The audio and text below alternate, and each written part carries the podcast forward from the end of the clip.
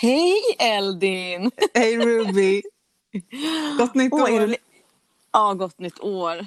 Alltså, det blev ett riktigt gott nytt år. Det blev liksom utomhusdisco för mig. Blev det? Ja, eller inte för mig. Jag typ låg och tittade på när folk dansade, men det kändes som att jag var med. Gud vad underbart. Ja, det var faktiskt väldigt härligt alltså. Alltså jag hade mitt bästa nyår någonsin. Det är som att hela liksom, eh, covid-situationen har gjort att liksom, jag har en ursäkt att fira nyår som jag egentligen alltid skulle ha velat. Som hel... Var det du, var det du och en katt? Ouch! Ouch. Förlåt. Eh, nästan. Det var jag, jag och en mänsklig katt. Det var jag och min, Mm. min eh, häxkompis ute i skogen Åh. vid en eld på en urgammal kultplats. Och så de Wow. enda fyrverkerierna var liksom månskenet och eh, stjärnorna. Nej men gud alltså. Alltså jag klär ju bara ju- upp mig och springer runt med ett glas bubbel för att jag typ det är så socialt, ett slags socialt måste. Liksom. Ja. I hear you, I hear you. Ja, nej men alltså det där är ju helt fantastiskt. Det där skulle jag också vilja göra. Det kanske jag får göra. Fast jag är ju väldigt kluven. Alltså det här är ju, kanske passar avsnittet idag, men jag har ju en sida i mig som är så stark, det som du pratade om precis, och så stark det som jag pratade om precis. Alltså, jag är verkligen love the glitter and the glam and the smoky eye shades och eh, ett glas bubbel och dans. Och älskar lika mycket smuts ner i jorden och sova utomhus och eld och historier och ingenting. Ja, Liksom. men alltså, det gör jag varit med. en- Jag gör det, fast jag Mm. gör inte det precis vid vintersolståndet. Det går som inte ihop för mig. Att det ska vara så här, Nej. liksom glittrigt och glamour när jag är mitt nere i min djupaste vintervila. Ja, det har, men alltså visst, det har du verkligen Fast alltså ingen shade på någon som gör något annat. Det här är bara mina, mina Nej, nej, nej. Ja. Nej men alltså det är så här, det, det blir ju, själva nyåret liksom stör ju lite grann eh, vi, vilan på det sättet. Ehm, när man eh, känner att man måste liksom, det gör ju julen också egentligen. Eller julen med J. Ehm, så det handlar ju om att hitta något slags eh, nice eh, balans. Eh, alltså för hela året och för vintersolståndet såklart. Men eh, jag är helt slut. Fortsatt nu. Det var som så här, eh, mina vänner hade liksom, de hade liksom gjort en Alltså de hade bäddat som en ma- en madrass till mig som låg på en gammal massagebänk eh, och så kunde man rulla mig liksom så hade jag elfilt. Och för er som lyssnar på första avsnittet, jag har diskbråck och kan inte gå. Det är därför det är lite speciellt just nu för mig. Men det kändes så himla inkluderande att jag hade en bänk som rullades. Fantastiskt. Och massa, ja, och massa barn som frågade så här, varför kan du inte gå? Och jag fick liksom hitta på olika svar varenda gång. Och så, så det var ganska kul. Ja, men nice alltså. Fortsatt vila i alla fall. Eller du tänker väl, vad tänker du göra? Ska du vila eller ska du? Alltså jag, mitt Ska du- mugglarjobb börjar snart och jag, Ja. jag har liksom den stora ambitionen att försöka inte svepas iväg i massa stress med det. Mm. Liksom. Eh, Ja. Så att vilan kan få fortsätta men jag måste ju ändå liksom få saker gjort liksom, på jobbet. Mm. Men Mm. Ja, men det är den där liksom verkligen... Jag tänker att det där, för den där frågan har jag fått och jag tänker att den är fullt, fullt möjlig. Det är inte omöjlig eh, ekvation eller jättesvår matematik. Det är liksom bara så här, va, va, vart fyller man på egentligen? Vart hittar man tillbaks till den där vilan? Fast man måste jobba och fast man måste ha ansvar och, och så vidare. och så vidare. It's, it's, it's not easy, men det är inte heller rocket science. Okej, men hörru. What are we gonna talk about today? jag ska ställa en hemlig fråga till dig. Oh, just det. Gud. Oh, ja. Är du beredd? ja, jag är jätteberedd. Mm, vilken är din favoritfärg i regnbågen? Gud, vilken bra fråga. Jag har alltid velat få den frågan. Har du Eh, eh, förberett jag ett svar vilja- också? N- Nej, men jag har ju tänkt på vilken min favoritfärg är för det är så himla svårt. De går ju så himla in i varandra. Jag skulle säga att det är den här liksom Lila. lila, Ha, jag visste det. ljusi- Visste du det? I'm psychic. yes, you're psychic. Ja, det är den. Den som är min Ja, berätta varför. favorit. Eh, dels så ser den liksom ljuvligast ut. Eh, av alla liksom regnbågens färger eh, så är det den som liksom ser ut som både något väldigt liksom gött jag kan äta, någonting som jag kan liksom ha på kroppen, någonting som jag kan klä mig i, mm. någonting som jag kan liksom åka och glida iväg på. Plus att den känns också väldigt drömmig. Mm. Liksom bara att om jag går in där så kommer jag komma till en exactly the place I wanna go. Oh. Ah, fint. Mm. Alltså men din då? Alltså jag, gud, jag, jag, eftersom jag hittade på den här frågan så har jag ju tänkt på det. Men jag, alltså, jag tänkte också lila. Men jag, för jag känner att det känns som att det är den färgen som känns som mest så här, otippad på himlen. Liksom. Eller jag vet inte, alla färgerna är väl otippade. Men den känns som så här himla magisk. Som att bara, någon har målat med lila på himlen. Ah. Och jag såg mm. den coolaste regnbågen ever utanför mitt hus för typ en månad sedan. Det var så sjukt för att den gick ner utanför mitt hus. Jag har aldrig... Alltså vadå, alltså gick ner, ner, ner i, marken? Mar på havet? Alltså, i, marken. I marken. Det gick att gå, det gick att gå fram till den, där den gick ner. alltså, och, och, så är det precis ett berg, som, den gick ner i berget. Och det var verkligen som that, the pot of gold at the end of the rainbow. Var så här, jag har aldrig sett slutet alltså, på en regnbåge förut. Men gud, vi måste ta en paus här nu, jag kan inte andas. Det var helt Jag sprang ut. Jag bara sprang.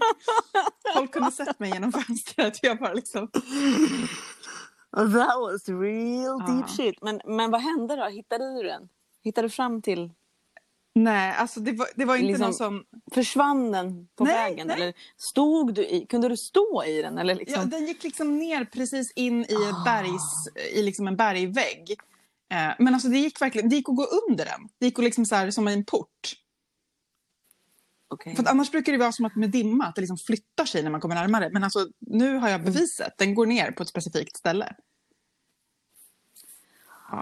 You're blessed yes. girl. Nej men alltså wow, shit.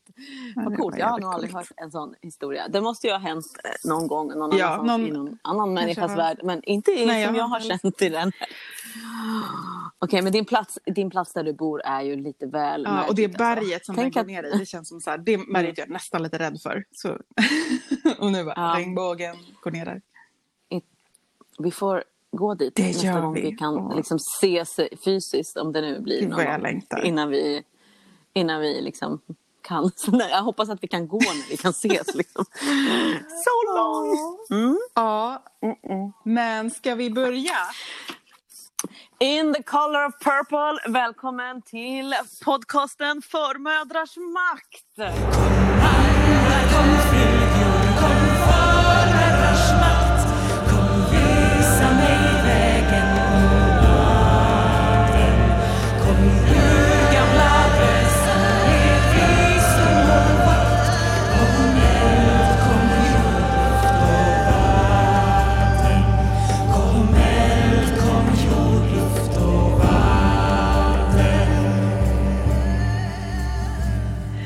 makt. ska vi prata om ett ämne som jag har längtat så länge efter att vi ska ha tema om. Typ från att vi kom på podden. Ja. Vi har också fått lite så önskningar om det här ämnet så då fick jag vatten på min kvarn. Och det är så kul med de här önskningarna för jag måste bara flika in här nu att eh, förutom att vi får, har fått lite önskningar och sånt på Instagram och så, så har ju faktiskt vår eftersnacksgrupp för mödras makt på Facebook blivit väldigt rolig att hänga i om man har eh, förslag på teman eller vill diskutera med likasinnade. Det är en plats to go to måste jag bara säga. Verkligen. Så gå in där om ni har. Facebook och vill, vill fortsätta diskutera ja. med oss och med andra som lyssnar. Det var bara en sån, eh, eh vad heter det, tyvärr, tyvärr att jag störde i ditt fina längtans intro. Men vad är det som du har ja, men Jag har längtat efter att få prata om det queera i natur och, natur och magi. Naturmagi. För att för mig är, är hela det vi håller på med i själva liksom sin grund så är det liksom queert. Alltså ordet queer betyder konstig på engelska. Och det var ju från mm. början ett skällsord. Och så, så har liksom queera mm. personer mm. liksom reclaimat det och gjort det till sitt. Liksom. Eh, mm. Men så man kan tänka liksom att queer är någonting som inte riktigt går att kategorisera. Alltså det är det som, om man tänker det här ordet konstig, det är något som liksom eh, mot, motsträvigt och vägrar inordna sig i antingen det ena eller andra. Liksom. Ofta då kopplat mm. till kön och sexualitet. Men, men liksom det queera begreppet är egentligen också större än bara kön och sexualitet. Det liksom går på något vis att använda om allt som, som är sådär lite motsträvigt och, och in, mm. inte dualistiskt. Liksom. Mm. Jag tänker att när man liksom pratar om naturen så så finns det ofta en, liksom, en idé om att naturen, det är liksom den allra mest binära, dualistiska platsen man kan vara på. Alltså det, det är så här, I diskussioner om sexualitet och kön och så, där, så är det ofta naturen som används som så här, eh, liksom, retorik för att säga att ja, det är ju naturligt med en man och en kvinna. Eller så här. Som att naturen i sig är så superbinär liksom, manligt kvinnligt som motpoler som behöver varandra. Mm. Och det känns också som att det finns väldigt mycket i, i naturandlighet också ibland. Att det är så man pratar om det sacred feminine, sacred masculine, som att det finns den här liksom, guden och gudinnan, att det finns den här polariteten. Liksom. Ja, det gör man ju väldigt ofta faktiskt. Ja, och det, har, det minns jag att du mm. sa i mm. något avsnitt tidigare, att i Vicka så, så är det ju så, så här gammal Vicka mm. liksom, och du var lite så här, du blev lite put off av det. Ja, precis. Jag blev lite put off av det. För det är ju så här eh, lite, lite tråkigt att tänka så. För det blir, liksom, det blir ju ingenting. Man kommer alltid till samma ja, slutsats på något sätt. Om det inte får vara, bli lite, det måste ju få vara ja, queer. Ja, precis. Men, så jag tänker liksom att det första på något vis liksom som som jag tycker är spännande, det är ju liksom när man börjar titta på så här, könsidentitetens och sexualitetens historia, så ser man liksom att idén om det här binära, så här, manligt, kvinnligt, varandras motsatser och båda måste liksom tillsammans och bilda någon slags eh, perfekt enhet, den är så otroligt ung och västerländsk. Alltså den, man brukar säga att mm. det tänkandet kommer från 1800-talet. Typ upplysningstid. Upplysning. ja. Mm, mm. Alltså, även då som begreppet mm. homosexualitet uppfinns. Men det var väl ändå lite syndfullt där på medeltiden? Alltså. Ja, alltså homosexualitet som idé fanns, fanns liksom inte. Utan, mm. eh, inte som identitet, utan det, är så här, det finns de här handlingarna och eh, men på något vis att saker är mycket mer så här, vad som är okej och inte okej beror liksom på sammanhang.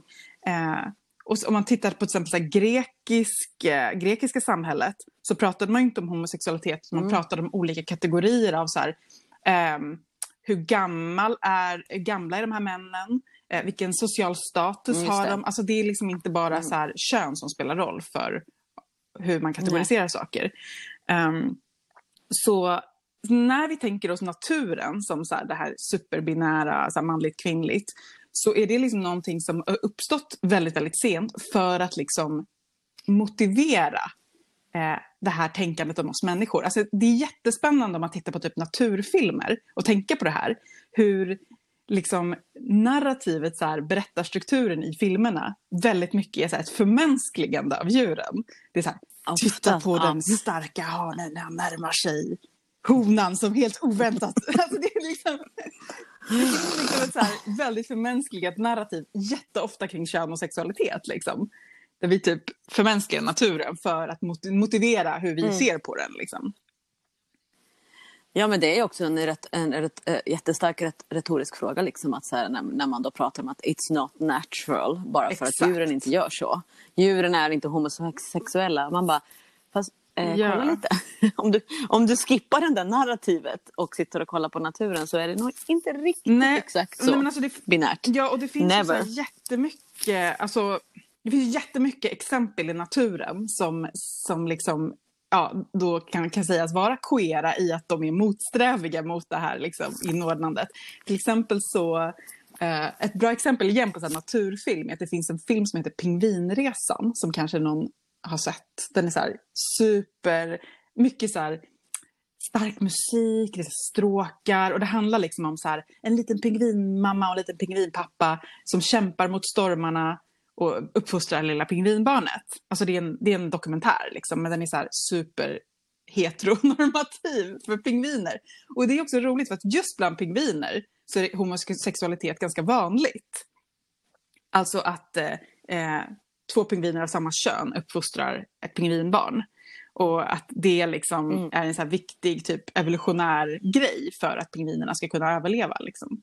Ja, just det. Just det. För att det, det, det, det, är också så här att man måste ju vara väldigt, väldigt nära i en pingvinfamilj Mm. Ja. för att överleva. Man måste stå måste skydd, skydda Precis, liksom och det är ju ofta då det liksom att de kanske Mm. adopterar en pingvinunge vars föräldrar inte har klarat sig eller någonting sånt där. Mm. Ehm, men, men sen finns det jättemånga fler sådana exempel i naturen. Alltså det finns ju till exempel det här exemplet som jag älskar med eh, sjöhästar. Har du hört om dem? Just det. Ja, de kan ju liksom... eh, Jag tänker bara på att de, they don't need a partner. Eh, jo, det gör de. Du tänker på Ja, maskar. ja. Ja, Jag tänker på Dagmask, ja. Men det är, det är sjöhästpappan det är det, som det, är blir gravid. Sjöhästpappan ja. blir gravid. Mm. Eh, liksom, Mm. ma, sjöhästmamman lägger äggen i pappan. Eh, så det är Mm. fortfarande hon som har äggen, men det är liksom hon som gör penetreringen på något sätt. Liksom, och sen är det han som blir gravid. Eh, Mm, mm, och så mm. finns det ju massa djur som byter kön. Och ja, till exempel i ja, maskar, sniglar, fiskar finns det. Ja, men det känns ju som att när du pratar nu här så får man ju liksom så här känslan av att så här, ja, men upplysningen, de lyfter ju inte fram de Nej. djuren så mycket. Det var ju snarare så varg och tiger och... och Och frågan är hur är, hur är Liksom, de när man tittar på dem? Alltså det, är så här, det är också så här, hur, Ja. hur tittar man på det här? Tittar man på det med en liksom väldigt så här heteronormativ blick så är det liksom det man kommer se. Liksom. Ja, men det tror jag nog att det tror jag nog verkligen. För jag tänker att man lyfte upp, man lyfte inte upp sjöhästpappan Nej. på 1800-talet. För det sjöhästpappan, man kanske, man kanske inte visste det då heller, det vet jag inte. Men, men det kanske är också så. Det var inte den bilden man behövde Nej, för precis. Samhället. men det är ju typ samma sak som att man tycker att så här, delfiner är så mm. gulliga och snälla och så är de egentligen typ så här våldtäktsmän och jättevåldsamma. Alltså det är så här, man, Ja. man ser på naturen Ja. som man vill genom så här, för att man vill få bekräftat det man redan tycker om naturen. Liksom. Mm. Eh, Ja, ja men det, det, det här går ju tillbaka till också så här, hur vi då historieskrivningen, den här bilden på att typ så här, ja, eh, det finns ju så här alltid, alltså om man verkligen är extrem i, se, i, tecknade serier och i, i så här, när man inte gjort någon analys så är det ofta så där en, en stenåldersman som är ute och släpar hem något byte och en stenålders mamma i någon så här sexy outfit som är hemma och gör grejer. Den är också, också Men det är verkligen, inte alltså, alls du, sann. du, du sätter verkligen huvudet på spiken. För det är som att både historien och naturen, det blir som någon så statisk... Mm. Så här, om det här är liksom verkligheten, då går det inte att argumentera sen. Men egentligen så är det som att vi bara använder Mm. historien och naturen för våra egna syften. Liksom. Mm. Ja, nej men jag, håller, alltså jag, har- jag har argumenterat väldigt mycket för eh, bland annat olika historiska kultplatser och ola, olika historiska platser så här, som har en viss historieskrivning. Och jag då har ifrågasatt att men hur kan vi veta det när den här plakatet är från 1958? Hur kan vi då veta att den här stenen användes för det och det och det? Eh, om vi inte liksom verkligen går in och försöker förstå den här personen som har forskat kring det här. Vad visste han oftast? Eh, och vad, vad i hans liksom, samtida historia eller den nutida historien som han kommer ifrån finns med i den här fornnordiska historieskrivningen. Men Det är högst problematiskt liksom, för de som lever och verkar på den plats just nu att det bara finns en del av Ja. historien. So, you know, this is absolutely fucking Ja. absolutely important att förstå att den är queer. Ja, men Please, alltså, keep on jag tänker en sak Jag som är så himla spännande som jag tror att du kommer gilla. Du kanske till och med har hört den förut. För det handlar om ägg och spermier. Och det är en antropolog Mm. som studerade eh, läroböcker och vetenskapliga artiklar. Hur de beskriver bes- befruktningen. Har du hört den? Jo, det här Alltså- vet jag nog. Mm. Alltså då så skrev hon ju, liksom så, eller det som hon hittade var ju att så här, begreppen som är, användes om spermierna var så här, spermierna är på uppdrag. Och ägget dör inom timmar om det inte blir räddat av en spermie. Ja, men gud, Alltså det är så här, Mm. att det finns liksom den här, och det här känner jag igen. Alltså man brukar ju ofta typ rita spermier som, som de är så här, i värsta, Mm. åker så här skitfort och är typ som en slags så här, stor armé liksom. Och Mm. ägget ligger där och är så här bara typ Mm. helt passivt liksom. Mm. Alltså det är ju faktiskt så att ägget Ja, det visste liksom inte jag förrän jag började typ studera det här. För det Nej. får man ju oftast inte höra. Mm. Nej, men, nej, aldrig höra det. Och att liksom eh, fittan producerar olika sekret för att den vill få upp alla spermier till sig så att, så att ägget kan välja. Just det. Så den har ett sekret, ett sekret som är så här, åh är du lite vilse sekretet? ett som är så här, hallå skynda på lite, du, här, du får lite glid. En är så här bara, hallå du är på väg åt fel håll, Mm. men okej I got you anyway. Eh, en, eh, ett sekret som är så här lite pushy och peppig. Alltså, egentligen Mm. så är det inte så att spermien är en, på jakt och egentligen inte ägget heller på jakt utan det här är bara liksom celler som egentligen inte riktigt har Alltså de, det är det att vi försöker kategorisera in dem i så här, våra idéer om aktivt och passivt. Liksom. Och egentligen så är det kanske Mm. inte så att det är så binärt att den ena är aktiv och den andra är passiv utan att det är en slags liksom, mycket mer komplex Även om det är så att, att ägget har alla spermier och det blir det här, vi gör den här, vi, cellerna gör det här mötet. Det är inte säkert att det kan ju fortfarande bli ett missfall. Liksom. Så att det är inte så här bara, åh det här blev rätt liksom. Vad nu rätt är. Men det är verkligen exakt så att eh, it doesn't happen like binärt på det sättet. Ja. Det, det är skadligt. Det är men skadligt att är tänka det. så. Och, och det är liksom det som jag... Det är Ja. väl det som är på något vis min poäng med hela det här med liksom att... Nej men så här, visst, om man säger så här, jag säger naturen är queer så menar inte jag heller så att alla arter så här, gör det som vi tycker är så homosexuella handlingar. Det är liksom inte det som är att vara queer utan att naturen är queer är för mig betyder det att all, alltså naturen går, den är liksom den går inte att kategorisera. Eller så här, när vi kategoriserar den så har vi gjort någonting med den. Så fort vi säger så här, det här är Mm. aktivt, det här är passivt, det här är manligt, det här är kvinnligt, så är det liksom våra mänskliga ord och kategoriseringar vi lägger på Mm. naturen. Så att så fort vi kategoriserar någonting så har vi gjort någonting med det. Just det. Så skulle man vilja, om man vill liksom göra det med naturen på grund av anledning. Ja. Eh, vi säger att man vill jobba med metaforer eller arketyper och så vidare. Då måste man bara Ja. vara medveten om att Åh, it's putting another layer on it. Men det är precis som jag tänker att liksom, man kan prova att kalla snabbt. naturen för moder. Men naturen är egentligen Ja. inte en moder, för det är ett ord, liksom. det är ett mänskligt ord. Eh, naturen, Man kan prova Ja, att kalla ja. naturen för, jag hade en, eh, det var en som heter, vad fan heter hon? Meredith, ja jag får lägga det i referenser. Hon pratade om så här, att hon tyckte inte man skulle kalla naturen för moder, därför att mödrar historiskt har fått slita så jävla mycket. Liksom. Hon föreslog så här, eh, nej men vi kan inte hålla på och behandla vår natur som en stackars moder längre, utan vi ska kalla naturen för vår älskare. Så här, hur skulle vi behandla den då? Alltså, Mm. Och sen så finns det ju massa våldsamma relationer så det kanske inte heller är bra. Men, men att liksom prova, alltså, här, naturen är inte han, naturen Mm. är inte hon, naturen är inte en moder, naturen är bara naturen. Liksom. Nej, men alla har ju ett bias. Alltså jag har ju ett bias när jag driver eh, Wild Herbarista-kontot och jag använder vissa ord. Så visst, det är klart att jag alltid tänker och försöker vara inkluderande. Men när jag skriver typ ehm, en text som handlar om Ja. moder jord, då har jag ett bias. Då har jag, och det, det är ju liksom såklart ehm, i- kanske att jag har ett större behov av att vara mer transparent kring det. Alternativt att liksom så här, jag har en politisk poäng med Men det är någonting. det jag tänker. Liksom. Mm. Jag skriver ju också moderjord därför Mm. att jag... Ja men precis. Mm. Det är liksom den men det, linsen som jag väljer att se naturen igenom i den stunden. Liksom. För att om man skulle kunna börja tänka lite mer kring eh, att naturen är queer, då kommer man också in på naturmagi, earth magic som du och jag ägnar oss åt och då är det också så här, alltså, det, då, då, jag tycker att det underlättar allt, liksom alla nästa steg underlättas om man utgår från Mm. Ja, att men naturen är verkligen. queer. För att I nästa steg så, Eh. så blir liksom... Så är ju min tanke också att magi per definition är queer.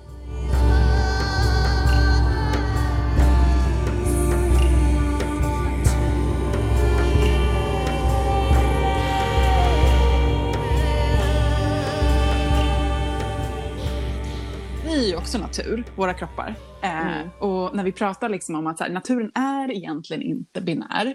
Den är inte egentligen så här, svartvit, man, kvinna, liksom, utan allting är... När vi pratar om massa sjöhästar och så, här, så är det lätt att tänka att vi människor, vi är ju ändå kvinnor och män. Liksom. Just det. Vi är inte sjöhästar. Nej, precis. Alltså, så här, Åh, vad tråkigt. eller pingviner hade varit fint att vara också. Ja, gud. Ja. Nej, men liksom, eh, och då kan man tänka så här, ja men vi är ju ändå kvinnor och män, liksom, Mm. åtminstone biologiskt. Och sen så använder man begreppet så här, biologiskt kön, biologisk kvinna, biologisk man och så här. Och eh, där tänker jag att det är spännande för att igen så är det som att så här, den, naturen motsätter sig även kategoriseringen där. För att när man tittar på vad kön, alltså rent liksom biologiskt är i våra kroppar, det som vi kallar för kön, så består det liksom av massa olika delar. Um, och det vi oftast tänker är ju kanske de yttre genitalierna. Alltså kuk, vulva, testiklar. Mm. Alltså det som man ser. Liksom. Det är väl typ det när, man, när man, barn föds, så säger man så här, blir en pojke. Just det. Då säger man det väldigt liksom, hafsigt egentligen. Mm. liksom. man, mm. Man tittar väldigt snabbt liksom, så tycker man att det är det. Eh, och, och sen så är, består ju kön även av inre genitalier. Och, och det ser man ju liksom inte. Eh. Och det kan vara så att man till exempel upptäcker senare i livet att eh, man har kategoriserats som, som kvinna när man, eller som flicka när man föddes men så hade man ingen livmoder. Det finns ja, ju de som, som föds mm. liksom utan det. Mm. Och, så. och det finns liksom olika sätt där inre och yttre genitalier liksom inte, inte passar ihop i, i det här binära perspektivet. Liksom. Nej. Uh, och, och sen finns det flera aspekter av, av biologiskt kön också. Vi har ju till exempel det här med kromosomer. Uh, så pratar man ju om att liksom XY och XX, det är liksom man och kvinna. Men det finns ju andra kromosom... Uh, alltså andra former av kromosomer också. Och sen så mm. kan det också vara så att man har XX-kromosom men man har ändå en penis. Ja, precis. Så det finns liksom så himla många kombinationer. Och så slutligen så finns det också det här med hormoner som också könas. Liksom. Men där det inte heller är så att alla som är kategoriserade som kvinnor har liksom... Det finns de som är kategoriserade som kvinnor som har mer testosteron än andra. Liksom. Ja men absolut. Och sen så väldigt tidigt så läggs ju den so sociala konstruktionen eh, av kön på den här då definierade flickebarnet eller pojkbarnet. Så det är ju flera lager sen som då skaver eh, på olika sätt och vis. Liksom. Ja precis, för det biologiska könet, alltså det vi ser är ju egentligen bara de, mm. liksom, ja, i den mån vi ens ser eh, Mm. yttre genitalier. Alltså det är ju inte så jätteofta vi ser folks Nej. kön. Nej. Liksom. Nej. Utan vad vi Nej. ser är ju det sociala könet oftast. Väldigt ofta. Men jag tänker också så här, för att jag menar, i mitt, i min, mycket av min, mitt arbete på Wildfire Barista handlar ju väldigt mycket om eh, eh, att ånga, att mm. jobba med, sni, med snips, snipsauna som jag har döpt det till. Liksom. Och det, är, det ordet var ju lite att leka lite med.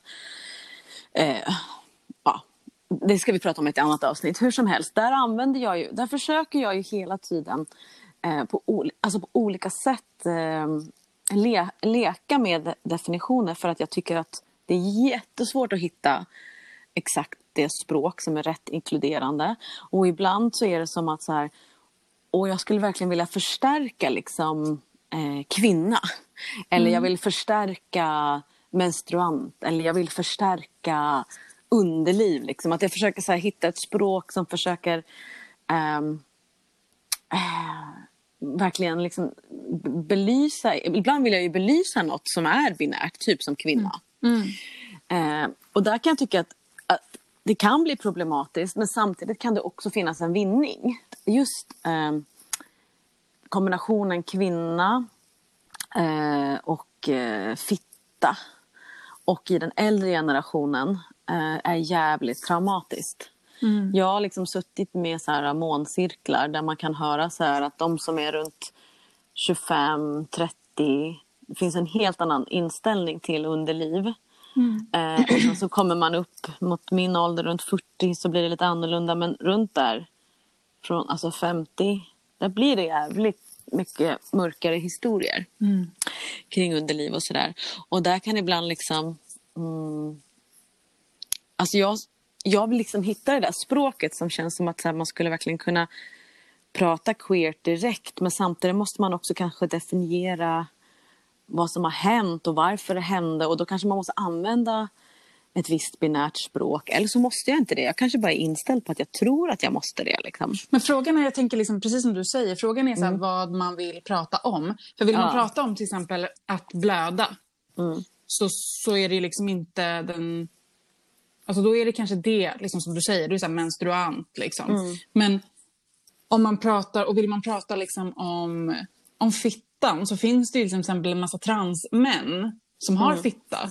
Mm. Och där, där är det egentligen jätteproblematiskt. Mö, alltså, mödravårdscentralen är ju ofta så jättedålig, ursäkta, på att uttrycka sig kring, kring det här. Liksom. Mm, där, mm. Och där jag vet till exempel transmän blir inte ens kallade till eh, cellprovsundersökning för att de har en, ett personnummer då som kategoriseras som manligt. Just det, just det. Så att liksom det är så här, så jag tänker att när man mm. pratar om så här fitthälsa så har man en grupp människor där som absolut står helt mm. utanför liksom, eh, som verkligen skulle behöva liksom, prata om mm. fittan. Liksom, mm. Men som helt exkluderas på grund av att man tänker så här, fitta är lika med kvinna. Ja, precis. Eh, men, så eller, men, liksom... eller menstruant liksom. Ja, men precis. Mm. Men sen vet jag också att det är många som, som definierar sig som kvinnor som känner så här, vadå, får inte jag vara kvinna? Ska jag vara en menstruant? Ja. Och det ju, finns ju också en sorg i det, liksom, att nej, det är klart att du ska få vara kvinna. Så jag brukar ofta skriva kvinnor och menstruanter och andra och blödare. Liksom. Alltså jag, men då, men då, är, här, då är frågan, liksom så här, då är det ju också kvinnor som inte har fitta och kvinnor som ja. inte blöder. Ja, så då är frågan, är de också ja. välkomna då? det är som det som är så här. Alltså till mödravården vet jag inte men till, till att ånga, ånga underlivet absolut. För det är, ja. ju, för, det är ju för alla liksom. Mm. Eh, men ibland kan det finnas liksom så här om jag vill eh, prata om eh, med en viss med en viss grupp personer liksom, så är det så här, mm. okay, man bör alltid försöka vara väldigt tydlig och på något sätt så måste man liksom börja i det binära. I någon, en person som är kanske runt 65 kanske inte har samma möjlighet eller hade samma möjlighet till eh, det ord, ordval som finns mm. nu, de definitioner som finns nu. Utan där var det bara så här, jag är en, mm. jag är inte kvinna. Mm. Eh, och, så här, och, och då måste man, eller jag är en kvinna som är på det här sättet. Eller jag är en, att man inte hade den, det liksom, den, om man inte hade kampen och blev aktivist och kunde strida för det. Så blev man bara någon som blev tyst. Mm. Och det tänker jag är så här, om man skulle kunna bara komma ifrån, alltså det, det skulle vara drömmen att komma ifrån det här binära. Eh, och att försöka liksom, att man kan förstå att man kan säga att man är du och jag pratade lite om det, för jag frågade vad du definierar det som. Mm. Eh, för jag känner ju så här att ja, men jag passerar ju ofta som kvinna och jag tror att alla som ser mig tänker att jag eh, är en kvinna. Eh, och jag själv vet inte riktigt vad jag... Eh, alltså jag, jag menar, jag har inget problem att skriva och, och, om jag ska definiera mitt kön så skriver jag ju ofta kvinna. Mm. Så att jag har ju liksom, liksom lätt, lätt där. Men samtidigt så är det så här jag vet inte, när du säger sjöhäst så känner jag mig mer som en sjöhäst än en kvinna. Liksom. Åh, gud vad fint sagt. Ja, alltså verkligen sådär. Men samtidigt som jag har haft sån otrolig, otrolig problem med att säga att jag är kvinna och uttrycka mig som en kvinna. För att jag trodde ju väldigt länge att man behövde vara som en man för mm. att överleva och klara sig. Och tyckte så att, åh gud, den där personen är så himla kvinnlig. Det tyckte jag var mm. så här själsord. Ja, det är ju liksom, alltså det kvinnliga är ju värderat lägre i patriarkatet liksom. Mm. Men... Ja, så det, det, finns ju någonting liksom i att så här, att, att oh, min resa handlade väldigt mycket om att våga omfamna någonting som var då. Mm. Eller som jag hade definierat som okvinnligt. Liksom. Mm. Det är inte säkert att det var någonting men att jag behövde så här, all right, okej. Okay. Men jag tänker ja. att eftersom att liksom alla de här begreppen som sagt egentligen bara är ord. Alltså kvinna mm. är inte mm. någonting som finns i naturen. Nej. Det är ett ord som vi använder för ett, så sam, ett samlingsbegrepp för massa ja. saker. Som mm. kan betyda så lite olika saker i olika historiska sammanhang. Liksom, precis som att man på 1700-talet var så här, då gråter man mycket. Ja. Liksom, för det var så manligt på 1700-talet. Mm. Och nu är det så här, inte manligt att gråta. Alltså, det är liksom så att, så att vad som är kvinna, det är egentligen bara ett ord. Mm. Och därför tänker jag liksom att, som till exempel jag, Elin, Eldin, jag vet liksom mm. inte vad jag har för kromosomer. Nej. Alltså, så jag vet liksom inte så biologiskt, typ 100 procent, liksom, någonting om mitt kön. Eh, så att liksom vad jag, därför tänker jag liksom att vad man kategoriserar sig som, alltså det enda som spelar roll är egentligen liksom vilket begrepp, eller vilka begrepp man själv väljer. På samma sätt Mm. som vi pratar om att man väljer så här, jag kallar jorden för moder jord eller jag kallar den för min älskare eller jag kallar den för... Alltså det är så här olika sätt att bara laborera med sin identitet. Ja. Och därför så tänker jag liksom att... eh, jag tänker att när det liksom... Det viktiga liksom när man använder begrepp alltså är väl så här att inte kanske kategorisera andra. Eller? Det är absolut, att inte kategorisera andra och inte ta någon annan eh, för, för givet eller liksom kö, alltså det är helt onödigt att köna någon Ja. överhuvudtaget om inte den personen liksom uttrycker en, en längtan till ett visst till ett visst begrepp eller ett visst ord. Liksom. Ja, om man ser Eh, begreppen mer som ett sätt att närma sig verkligheten än som att så att orden är verkligheten. Ja, eller att man måste vara det då. Alltså, så här, jag Ja. brukar alltid prata om så här, det här med att, eh, vikten av en garderob. För att i min garderob hänger det kläder som är så här, om jag tar på mig det här, då känner jag mig på det här sättet. Tar jag på mig det här, känner jag mig på det här sättet. Om jag har det. Liksom att det, så här, det handlar också om att jag skulle vilja att det fanns en, en gender fluid eller gender free samhälle. Eller vad man ska säga. Att man, att man kan få liksom bara det, alltså det är helt ointressant egentligen. Alla bara är. Ja, men, eller, och, Och ibland är alla det är jätteviktigt. Liksom. Precis som du säger, ibland är det skitviktigt för någon att få vara kvinna. Mm. Liksom. Och, det, Ja. och det är så här, oavsett om man då föddes liksom, och kategoriserades Mm. som, när man låg där på BB, kategoriserades som kvinna då eller om man kategoriserades som man då, Mm. så kan det vara idag jätteviktigt att få så här, jag använder det här begreppet. Mm. Liksom. Och ibland är det tvärtom, att man bara, åh jag vill bara vara fri från alla begrepp. Liksom. Men att man bara så här embracear vad folk liksom har för... Och därför, så- precis, men därför så blir det ju så här, jag menar när man vill jobba också så med så här, um, sacred activism, sacred feminism, då kan det finnas en viss eh, poäng i att, att, att eh, eh, jobba med olika begrepp. Men det är inte så att det är sant. Det är inte Nej. sant liksom om man säger så här, jo men kvinnor har alltid varit dragna mer till magi och till månen. Det finns ingen sanning i det, eller hur? Det är ingenting som är, det är ett bevisat, sätt att se bevisat. på historien. Ja, Igen. det är ett sätt att se på historien och det kan, det kan på riktigt hjälpa eh, och stärka kvinnor idag och andra eh, personer på grund av att det kanske är just det som jag sa innan att det har varit ett skällsord. Och då om magi är ett sätt att närma sig, ja men absolut. Men det är inte den enda vägen och man kan inte säga att det alltid har varit så. Eh, och det är likadant med ehm, som jag tycker, jag närmar mig ju många, liksom det här med, så jag är ju väldigt nära underliv konstant liksom med, med Wild Herbarista och där, um, som att det finns som att det är två kategorier lite grann. De som liksom, apropå förlossning liksom och underliv, de som är väldigt rädda för förlossning och underliv och fitta och gärna kanske liksom inte vill ha så mycket mer att göra. Och sen är det de som och därför kan man välja liksom ett, ett kejsarsnitt för då, är det liksom, då, behöver, då, är- då, då har man det avklarat och man känner sig stark. Liksom. Och så, har, så är det, så är det liksom gjort. Eller så är det de som på något sätt hittar den här styrkan i och verkligen jobbar med så här, att det finns en kraft i att föda och att det känns som att man känner sig väldigt liksom, stärkt i sin eh, kvinnliga identitet för att man liksom, föder barn. Ja, Men det är ju asbra det också. Men jag menar det är ingen, det är ingen som är mindre kvinna här. Nej, eh, eh, bara för att man väljer olika vägar. Däremot så kan man ju tänka sig, så kan man ju, om man vill gå in på layers så kan man ju fråga då. då bägge två liksom olika frågor. Men, men det är ingenting som är värt mer eller mindre. Eh, I då den binära tolkningen av kvinna. Alltså, Det är ju så här, It's just what it is. Liksom. Och jag kan tycka att eh, man kan tycka att det är lite coolt sådär när det är så här, eh, 25-åringar som lägger upp härliga, eh, coola bilder när de liksom pratar om att de känner sig stärkta eh, som flickor eller som tjejer eller som kvinnor när de har fött barn eh, och pratar på ett sätt som kanske liksom den andra världen är liksom så här, nej, eh, liksom inte blod, inte fitta, inte, inte mjölk utan så här att det finns en poäng liksom i den sam, sam, samhällsdebatten och det politiska klimatet att lägga upp sådana bilder. Men det är fortfarande inte någonting som är like better or worse. Mm. Däremot så tänker jag på det här med hormoner för att det finns ju en kunskap i organen dock, i hormonhälsan. Som man kan ju uppnå genom att liksom jobba med då eh, hormonhälsa eh, en kvinnlig hormonhälsa eller en manlig hormonhälsa. Här, här, hur skulle man kunna inte ha det binärt då?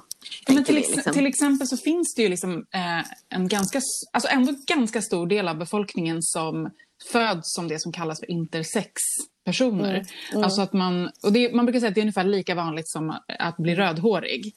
Och då kan man Just tänka det. så här, det är ändå ganska vanligt. Det är inte så att Ja, man det bara, wow, en rödhårig person. Oh my god. Not if you're in Scotland. Eh, nej men alltså intersexpersoner är ju då personer som när de föddes inte eh, gick att kategorisera som pojkar eller flickor. Eh, och det finns en massa olika intersexvariationer. Det kan till exempel vara att man har yttre genitalia som ser ut som att man skulle kategorisera som kvinna. Men att man har eh, inre testiklar. Just det. Och där kan man ju då ha liksom en, en hormonproduktion som, alltså igen där liksom hormo- hormonproduktion inte låter sig indelas i manligt och kvinnligt. Utan, och, och, det, här, och det är ju det här, det här kräver ju också en helt annan, alltså det kräver en helt annan kunskap kring, liksom, kring hormoner som också tyvärr läkarvetenskapen vet väldigt lite av därför att väldigt många intersexpersoner opereras när de är eh, spädbarn eller jättesmå Ja. för att göras eh, binära.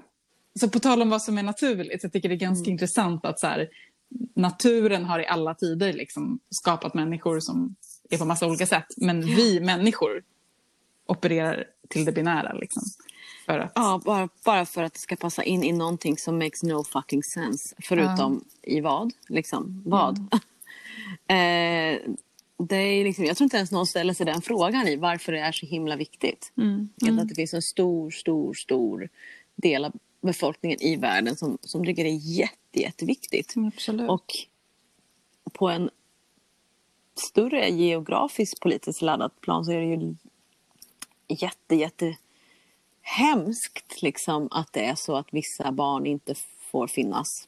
Vissa kön får inte finnas. Och jag tycker att det är så spännande att tänka liksom här, för det är lätt att tänka också då så att ja, men vi i Sverige har kommit så himla långt. Och på ett sätt så är det ju så här, men det är också typ precis tvärtom. Att det är som att så här, i och med det moderna samhället så kom, tog vi på jättemånga sätt massa steg bakåt. Därför att det historiskt sett har funnits eh, massa andra sätt att se på kön än det här eh, binära systemet. Liksom. Eh, och så tar till exempel Indien som ett exempel, där det idag också finns ett tredje juridiskt kön. Eh, Just det. och därför att historiskt i Indien så har det inte funnits bara två kön och inte bara tre kön heller, utan det har funnits jättemånga fler kategorier.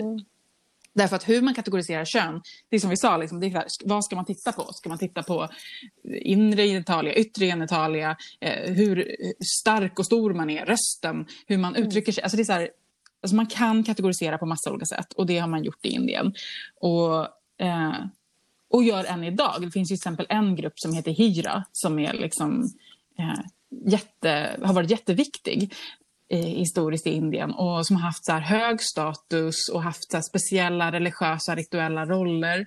Men sen i och med att England koloniserade Indien på 1800-talet, då blev det här någonting dåligt och fult och smutsigt. Eh, Så att idag har hijra ofta väldigt så dålig liksom, social status. Och detsamma gäller liksom, i Nordamerika där ibland liksom, precis. ursprungsbefolkningen... Eh, det Two, som, ja, two spirits. two spirit, precis. Som liksom just har haft en speciell, igen, så schamansk religiös roll. Och så i och med koloniseringen, kristen kolonisering, 1800-tal, upplysningstid, så, så blir det gjort till någonting negativt. Ja, det finns ju otroligt fint faktiskt uh, footage mm, som är ta- så, alltså Det finns ju verkligen liksom eh, footage på um, Two spirit people. Ja, Two Spirit People, liksom verkligen så här, jättefina hövdingabilder där är, man kan absolut inte köna hövdingen. Och sen finns det en till bild där, där hen ser ut som en han och sen en till bild där man skulle köna honom som en hon. Alltså så här, Det är så himla fantastiskt och så bara uh, befriande. Eh, och, och de är ju också liksom bevisat och kända för att leva med naturen. Ja. liksom har alltid gjort på något sätt. Så det är just so beautiful tycker jag. Och det finns ju också den här idén liksom väldigt mycket. Så här, alltså det, finns, det här är bara några exempel, men det finns ju liksom många exempel på just att det schamanska, det, alltså det magiska, går hand i hand med det queera. Eh, och det finns exempel från, det finns en, en samisk grav i Sverige där man har hittat, man liksom inte riktigt kunnat man ser att det här är en noid, en samisk då, liksom, schamanroll som är begravd. Man tolkar skelettet som en man, men personen är eh, begravd i en kvinnlig dräkt. Och begravd med både kvinnliga och manliga attribut. Mm. Ehm, och alltså det finns en sån stark koppling mellan det schamanska och det queera. Och tanken med det är ju ofta det att schamanen är den som vandrar i båda världarna. Alltså Ja, människovärlden och andevärlden. Och att liksom för att kunna, alltså alla de här gränserna, allt det som så separerar världarna, människovärlden och naturen, eh, djur, människor, eh, att shamanen är den som liksom överskrider de här gränserna. Mm. Och därför Verkligen. måste även, måste även shamanen överskrida gränser för kön. Liksom. Mm. Eller kan inte låta sig liksom begränsas. Ja, precis. Ja, precis. Kan inte låta sig begränsas. Och jag tycker det är så himla coolt, coolt med ordet häxa också. Ja. För att på tal om liksom schamaner så tänker jag så här, häxa är ju liksom, för mig är det, det är ju liksom en slags schamansk roll. Alltså ordet häxa, du vet säkert vad det betyder, men alla som lyssnar kanske inte vet. Ja, men jag är inte helt osäker. Den som, den som rider, det är ett Ja. tyskt ord. Ja, eller det- den som... Eh, gammalt, gammalt tyskt ord, hagazuzza, Just som det. Mm. är eh, den som rider på staketet, eller på Just det. svenska då, tunrida. Just det, tunridare. Och det är så himla konstigt. Vadå, vadå rida på staketet? Jag menar, om man ser det framför sig, då är det liksom en person som gränslar ett staket. Sitter med ena benet på ena sidan och andra benet på andra sidan. Mm. Och vad är det? Jo, men det är ju liksom det som separerar. Det som så här, här är liksom den vilda världen och här är den civiliserade världen. Alltså det som är innanför och det som är utanför staketet. Häxan är den som sitter med en fot i båda världarna. Och jag tycker vi ska claima det ordet. Precis som man har claimat queer. Ja! Alltså jag vet verkligen, jag är fullt medveten om de kvinnor som blev anklagade eh, som häxor eh, under häxprocessen. Att de var väldigt kristna och väldigt kanske troende kvinnor som inte alls definierar sig som häxor. Så det är ju jätteproblematiskt att de fortfarande kanske är eh, liksom kallade häxor. För de kanske inte valde det. Utan det var andra människor som sa att de var det fast de inte var det. Men vi kan claima det ordet för det är ett superstarkt ord. Superviktigt ord. Ja, och jag tycker att det är så fint för att här, jag tycker häxa är ett så fint ord i liksom det queeras allra bästa bemärkelse. Just för att för mig handlar det inte bara om att jag vill gränsla liksom, den här gränsen mellan kön, utan också verkligen så här, mellan djur och människa, mellan natur och människa, mellan kropp, alltså alla, kropp och själ, ljus och mörker. Alltså alla de här dualistiska perspektiven vill jag överskrida och liksom binda samman för att världen är inte dualistisk, den är cyklisk. Liksom. Ja. Och då tycker jag häxa är det perfekta ordet för att det är precis det det liksom betyder. Ja. Love it. Jag, tycker det, är- ja, nej, men jag tycker det är ett superfint ord att, att, att använda. Eh, och det går att befria det från, eh, från där det har varit. Liksom. Och det går att befria dem som blev anklagade liksom, på samma sätt. Det är ingen...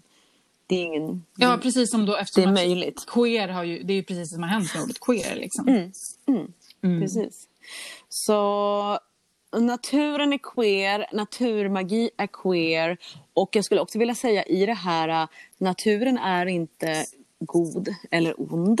Nej, det har vi ju pratat om. Ja, så det är liksom superviktigt att tänka på det också. Liksom. Men att däremot så liksom alla de här begreppen vi använder spelar roll. Alltså Mm. man kan ju liksom, jag tänker att man kan inte heller... Vi är människor och vi använder Mm. språk och, och vi använder symboler. Det är som så vi människor funkar. Så att, att, Mm. Ja. att komma bort från ett här helt okönad värld tror jag inte är möjligt därför att då måste vi typ sluta prata, vi måste sluta producera bilder. Alltså det är så här, så fort vi kallar någonting för något, så fort vi avbildar det, så gör vi något med det. Så det jag tänker att det som vi istället måste göra är att vi måste liksom, som du sa, bli liksom medveten om sin bias och kanske liksom börja experimentera. Men vad händer om jag använder det här ordet istället? Vad betyder det då? Vad är skillnaden på kvinna och menstruant? Eh, och vad är skillnaden på moderjord och faderjord? Liksom, eller så här. Och, Och, vad, och när använder du vad och varför använder du och vad är det du vill uppnå med den här texten? Liksom? Och medveten om du skriver på det här sättet så kan det vara exkluderande och i så fall förklara varför. Eh, varför behöver du skriva den här texten och var, eller så och så vidare. Och sen och hela tiden, alltså, även om vi är superqueer och supermedvetna och rör oss i, i bra kretsar. Alltså vi har hela tiden skuggor som släpar efter oss. Måste vara liksom... Jag, jag tror att man hela tiden måste vara medveten på det, om skuggorna för då kan man liksom skapa någonting nytt. Och sen också så här att det har jag tänkt på ibland när man när jag har känt eh, när jag har kanske missat och har exkluderat då är det ju ofta så att någon har skrivit till mig och bara Ja men eh, åh, det är lite bättre om du använder det här än det här. äh." Så att folk är väldigt snälla mot mig för jag tror att de förstår att jag har en god intention och sen att jag inte kan allt. Eh, och istället för att det blir en strid typ på, på kommentarsfält utan att det är så här oftast, oftast så vill människor gott. Eh, och när de inte vill det så behöver man upplysa dem. Eh, och det behöver man ju inte göra med strid om det inte är strid. Eh, så att säga. Eh, och med det sagt så förstår jag ju verkligen att när man blir bemött med fel kön varenda jävla dag att man blir fucking jävla förbannad. och det tycker jag man har rätt till att vara. Så att alla, alla vi som på något vis är involverade i den här magiska världen, vi vet ju redan någonting om vad det är att vara konstig. Så Ja. det borde kunna vara lite lättare att tänka kring det här med normer kring kön när man redan liksom någonstans... Är konstigt. Ja. I think I'm really fucking good. Alltså, vi är ju redan konstiga, så vi är redan queer och därför så liksom ja. got, gotta do the work. Liksom. Kom eld, kom jord, luft och vatten Kom eld, kom jord, luft och vatten Vi har inte pratat någonting om den queera mytologin. Vi, pratat, vi har ju pratat jättemycket om gudinnor nu i två superlånga avsnitt. Bra jobbat, bra jobbat. Ja, verkligen. Och då så vet jag att vi nämnde också så här, ja, men vi måste säga det här om något, i något queer-avsnitt. Liksom.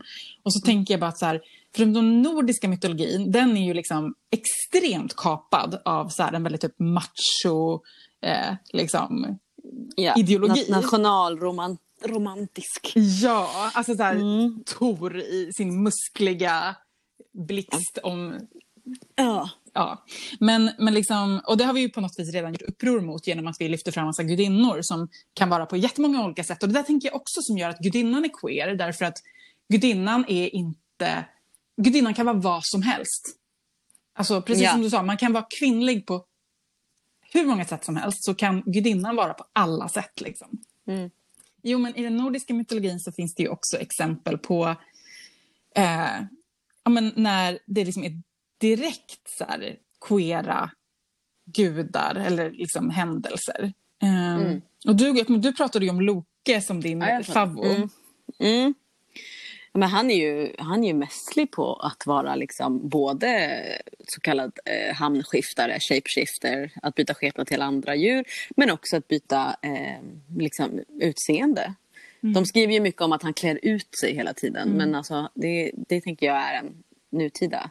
Utan att han är verkligen att han, han är ju en trickster, så därför så passerar han ju hela tiden.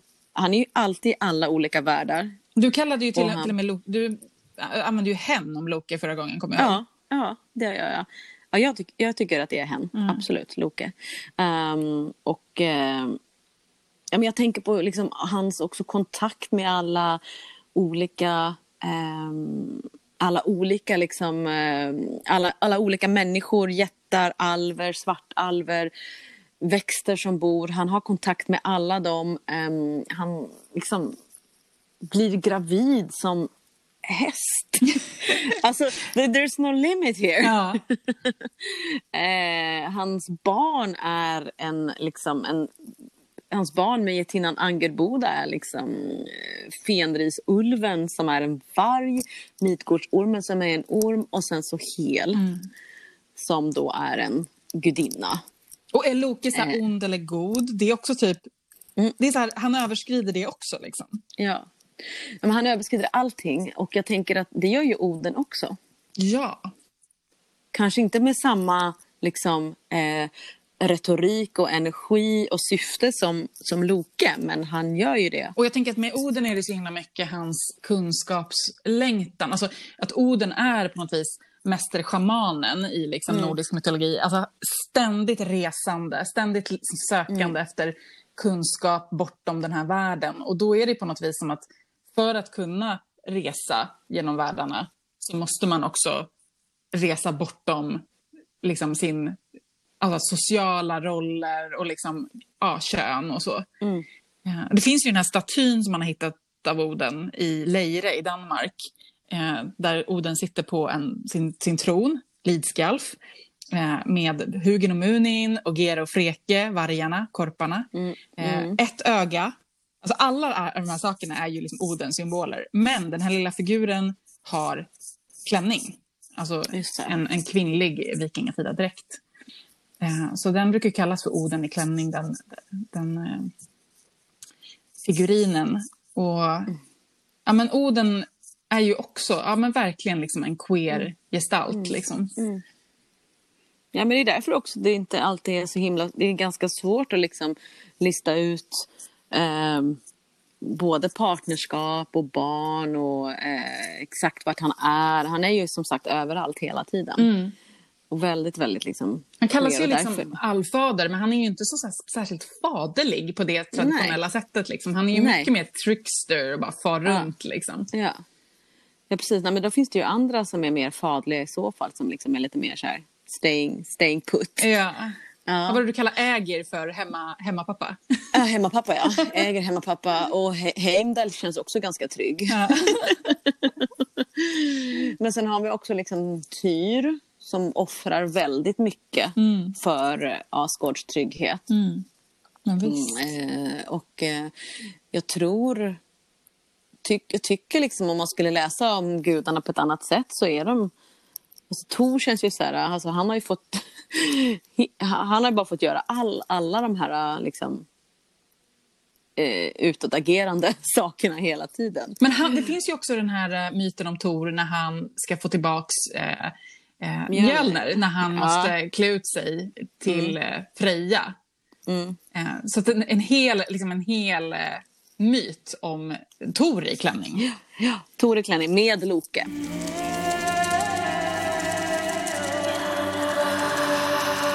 Jag tänker alltså, läs, läs era böcker, gör era magiska praktiser, eh, prata med varandra och liksom utgå från att naturen är queer och det kommer vara så himla befriande och underbart.